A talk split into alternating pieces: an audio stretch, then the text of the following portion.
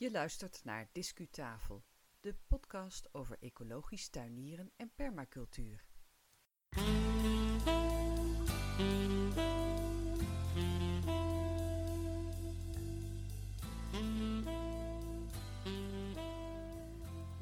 Welkom bij aflevering 2 van de Discutafel podcast. Mijn naam is Yvonne Smit en vandaag is het 15 maart 2018.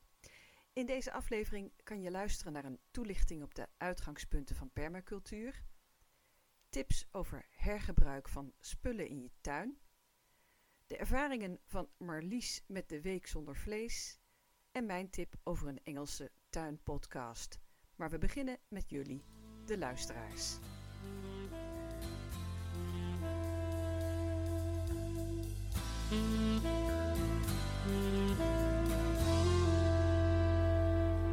Wij ontvingen diverse reacties op de vorige aflevering. Hartstikke leuk.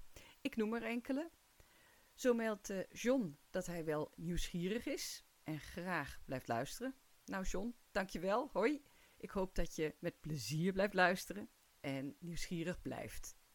Margreet die geeft heel bruikbare tips over het volumeverschil tussen het gesproken woord en muziek. Dankjewel Margreet, daar werken wij aan. Ik ben deze techniek eerlijk gezegd nog aan het leren.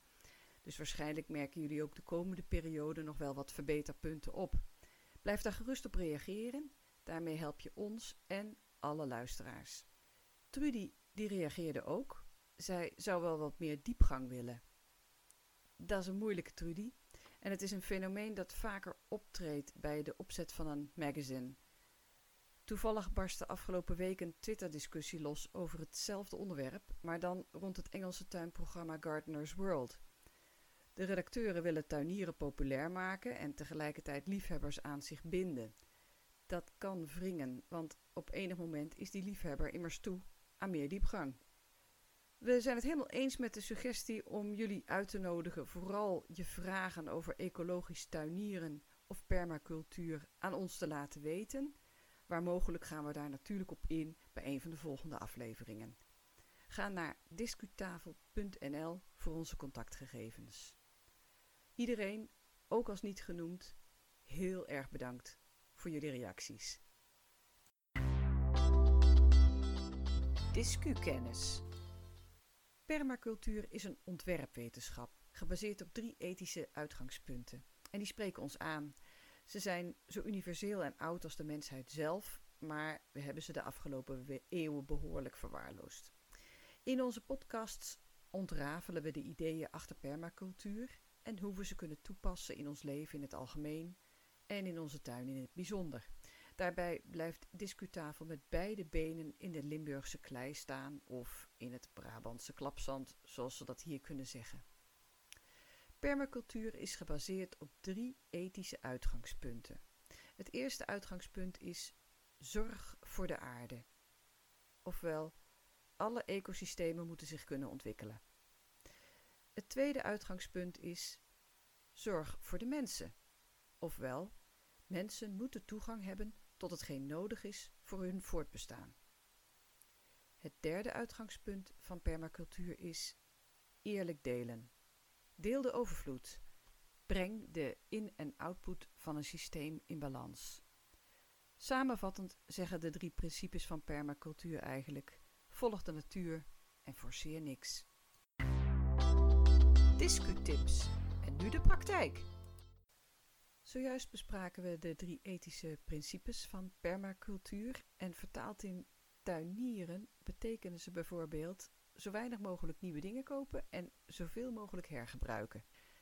En ik moet zeggen, materiaal een andere bestemming geven dan waarvoor ze ter wereld zijn gekomen, dat is voor ons een behoorlijke sport geworden. Een, een voorbeeldje van Marlies van Discutafel gaat bijvoorbeeld over dakpannen vriend van haar die liet een uh, nieuw dak aanleggen en hij had een heleboel onbeschadigde dakpannen over. Voor hem was het waardeloos materiaal geworden, afval eigenlijk. Maar hij bracht ze niet naar het grof vuil, nee, hij laadde ze in een aanhangertje en hij bracht ze naar het landje van Marlies. En daar fungeren ze nu als randen langs diverse bedden in de tuin. Bovendien gebruikte Marlies een aantal van die pannen in het insectenhotel. Het is heel functioneel en het ziet er nog leuk uit ook, dat vinden wij tenminste. Op de site kan je het resultaat zien en misschien is dat ook inspirerend voor jou. Zelf heb ik afgelopen week wat siergrassen en kleine heesters gesnoeid en dat snoeisel heb ik ook opnieuw gebruikt. Ik heb het uh, verspreid in kleine stukjes over de paden in de moestuin. Vroeger kocht ik zakken boomschors om die paden te bedekken. Door hergebruik van het snoeisel is dat nu bijna niet meer nodig. En bovendien spaart het tijd, want ik hoef niet met volle kruiwagens met snoeisel naar de composthoop te lopen. Discu Journaal. Van 4 tot en met 11 maart was het de Nationale Week zonder vlees. Hierin werden alle Nederlanders opgeroepen om geen vlees of vis te eten. De Nationale Week zonder vlees is een stichting in het leven geroepen door Isabel Boerdam. De website is weekzondervlees.nl. Vanuit het gedachtegoed van permacultuur zijn voedselvraagstukken een interessant onderwerp en dan komt het al snel de vleesconsumptie uit. Discutafel vroeg zich dan ook af wat het effect op de winkelvloer is van zo'n initiatief als Week zonder vlees. Ik spreek met Marlies van Discutafel over haar ervaringen als consument die boodschappen doet. Hallo Marlies! Hey Yvonne. Ja, ja, nou dan horen de luisteraars ook jouw stem. Uh, Marlies ja. uh, Notemans, mijn uh, compaan uit het, uit het Limburgse. Ja. Ja. Hey Marlies, wij hadden van de week besproken dat jij ehm, in het kader van de Week Zonder Vlees eens, eens, eens, rond zou kijken welke signalen jij als gewone burger in Limburg daarvan zou merken. Kan je ja. daar iets over kwijt? Um, nou, daar zou ik heel erg kort over kunnen zijn en kunnen zeggen: ik heb niks gezien. Oh. Um, ik had jou al verteld, um, ik had er iets over op het nieuws uh, gezien. Uh, de NRC die had er ook aandacht voor. En toen zei ik tegen jou: Goh, dan ben ik eens benieuwd of ik zo in mijn hè, dagelijkse leven, zeg maar, als ik naar de winkel ga of door het dorp loop of door de stad loop, of ik dan iets zie. En um, ik, heb, uh, ik ben in twee supermarkten geweest waar ik wel vleesvervangers heb zien liggen, maar die liggen er anders ook. Ja. Um, ik heb niks gezien van affiches of nou, wat dan ook van aankondigingen, dingen die er extra de aandacht op vestigen. En um, ja, ik ben ook nog wel buiten mijn eigen dorp uh, Elslo geweest. Hè. Dan zou je nog misschien kunnen denken, zo'n klein dorp, nou, hè, daar zal dat niet zo spelen. Uh, Sittard is toch wat groter, Maastricht is ook nog wat groter. En waar ik geweest ben, heb ik er niks van gezien. Goh. Nou, en het gekke is, ik heb, ik heb zelfs uh, zo tussen de bedrijven door op, op een aantal Twitter-accounts en ook uh, op, ik meen het journaal op tv, het, het wel voorbij zien komen. Ja. Dus de landelijke pers hebben ze er wel mee gehaald, maar ze zijn ja. nog niet zo ver dat zij in alle hoeken en gaten van het land uh, zichtbaar zijn. Nou is het volgens ja. mij ook een, een nieuw initiatief, hè? Die week zonder vlees. Ja, het, is, uh, het wordt uh, dit jaar voor het eerst georganiseerd. En uh, Isabel Boerman die is de initiatiefnemer. Ehm, ik weet wel dat het ehm, afgelopen jaar kan misschien ook het jaar daarvoor zijn dat de Vlamingen ook iets dergelijks gedaan hebben. Maar hier is het voor het eerst. En ja, volgens haar website hebben in ieder geval 25.000 mensen zich aangemeld en zegt van oké, okay, ik ga deze week uh, geen vlees eten. En uh, de landelijke pers hebben ze ermee gehaald. Dus ja. Nou ja, dat is in ieder geval wat. Dat ja. wil dan niet zeggen dat discutafel per se tegen vlees is, maar wat ik wel een leuke Um, ik vind het toch wel een leuk initiatief om mensen op te roepen bewust met voedselketens en, ja. en, en, en voedsel bezig te zijn. Ja, dat, vind ik ook, uh, dat vind ik zonder meer. Um, ik, ik, krijg ook uit hetgene wat ik erover gelezen heb, um, krijg ik ook het idee dat de benadering positief is.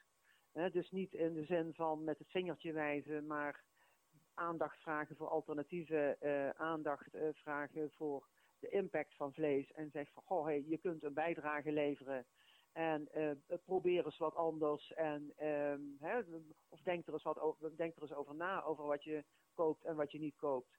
En um, ja, als dat op een uitnodigende, positieve manier is, kan ik me voorstellen dat er toch wel best mensen zijn die denken van, och ja, waarom ook niet? En laat ik het eens proberen. Ja. Dus ja. Nou, we houden het in de gaten. En misschien dat we volgend jaar omstreeks deze tijd, eh, in het voorjaar eh, 2019, iets kunnen zeggen eh, dat het eh, wel tot Elslo eh, is doorgedrongen, dit Ja, initiatief. wie weet. hey, dankjewel Marlies. Oké, dag Yvonne. Discu-nieuws, opgepikt uit de media. Wekelijks luister ik naar de Veg Grower podcast van Richard.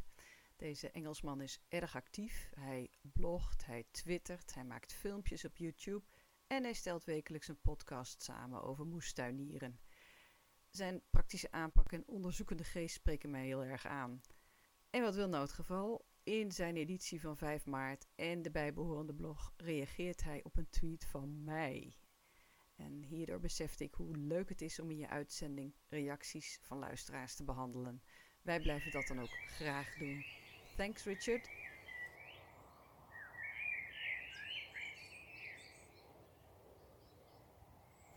Hey, hoor je dit ook?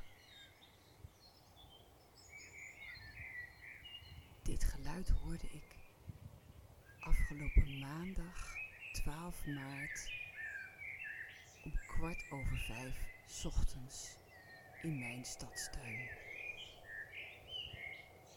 Lente.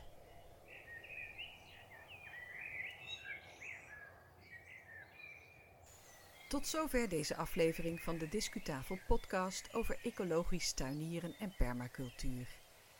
Links en meer informatie over de onderwerpen uit deze aflevering vind je op discutafel.nl. Iedere twee weken kan je een nieuwe uitzending van de Discutafel podcast beluisteren via onze website. Meld je via de site aan om een bericht te krijgen bij publicatie van een nieuwe aflevering. Discutafel is een initiatief van Yvonne Smit met medewerking van Marlies Notermans. We vinden het erg leuk als je reageert, via de website, per e-mail of Twitter. Deel je je ervaringen met onze podcast ook met anderen? Dankjewel voor het luisteren en graag tot een volgende keer.